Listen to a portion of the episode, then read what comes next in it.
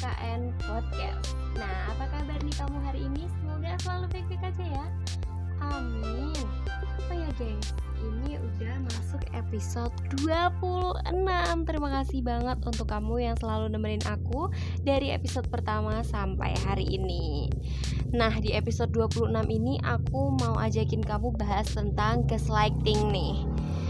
Nah, pernah nggak sih kamu denger apa itu gaslighting? Dilansir dari halodoc.com, gaslighting adalah bentuk manipulasi yang biasanya terjadi dalam hubungan yang tidak sehat. Bentuk manipulasi ini dilakukan oleh seseorang yang terlihat berkuasa dan dapat mengontrol orang lain dengan cara membuat korbannya tidak yakin dengan dirinya sendiri.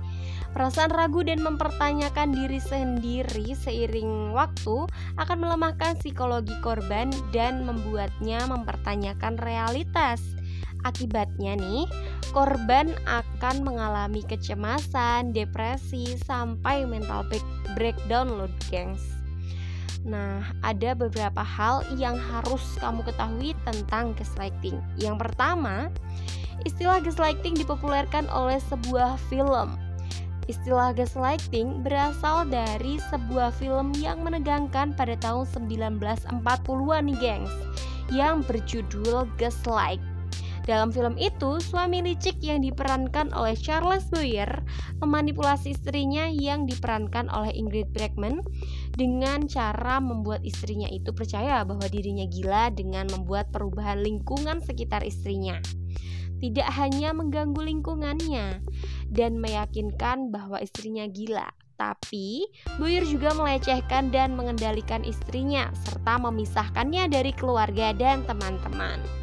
Akibatnya, sang istri terus-menerus mempertanyakan dirinya sendiri, perasaannya, persepsinya, dan ingatannya. Selain itu, ia juga menjadi hipersensitif dan tidak bisa dikendalikan, yang merupakan tujuan dari gaslighting untuk membuat korban merasa tidak nyaman dan tidak yakin tentang apa yang benar dan apa yang tidak. Yang kedua, orang-orang yang berisiko mengalami gaslighting Meskipun nih beberapa psikolog percaya bahwa gaslighting ini lebih sering terjadi pada orang-orang dengan harga diri yang rendah atau dengan orang yang sangat berempati. Tapi mereka juga percaya bahwa bentuk manipulasi yang ini bisa terjadi kepada siapa saja dan di mana saja. Orang-orang yang memiliki uh, rasa percaya diri yang kuat dan pandai membangun batasan mungkin akan lebih jarang mengalami gaslighting ya gengs.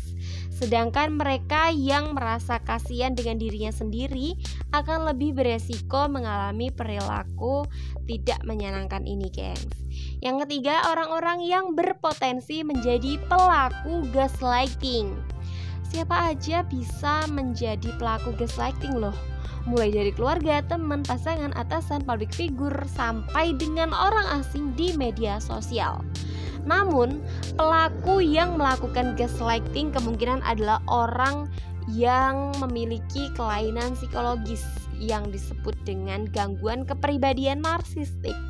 Orang dengan gangguan kepribadian narsistik merasa bahwa dirinya adalah orang paling penting dan orang paling eh, menonjol di lingkungannya mereka tidak peduli dengan orang lain kecuali emang orang tersebut bermanfaat bagi diri mereka sendiri. Pelaku gaslighting biasanya juga adalah orang yang pandai berbohong, gengs. Mereka dapat bersikap manipulatif dengan membuat diri mereka seolah-olah nggak bersalah. Malahan mungkin si korban yang akan merasa bersalah karena sudah berpikiran buruk tentang pelaku. Tapi sebenarnya hal ini adalah taktik pelaku untuk membuat korbannya merasa tidak yakin dengan penilaiannya sendiri, gengs. Yang keempat, berhati-hatilah dengan gaslighting bila kamu sering menyalahkan diri kamu sendiri. Bila akhir-akhir ini kamu merasa seperti semua yang kamu lakukan salah, sering meminta maaf atau selalu menyalahkan diri sendiri setiap ada kesalahan, hati-hati bisa jadi kamu sudah mengalami gaslighting. Hal ini karena pelaku gaslighting tahu sensitivitas dan kelemahan kamu, gengs. Serta ahli dalam menggunakan kedua hal tersebut untuk menjatuhkanmu. Ia juga dapat membuat kamu merasa bersalah, tidak pernah merasa cukup, dan selalu meminta maaf dengan karena menganggap semua masalah adalah akibat kesalahanmu.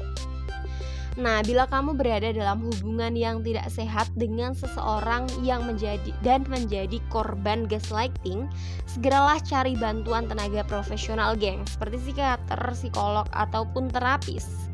Karena kamu bisa mengatasinya dengan bantuan mereka dan bimbingan mereka, dampingan mereka.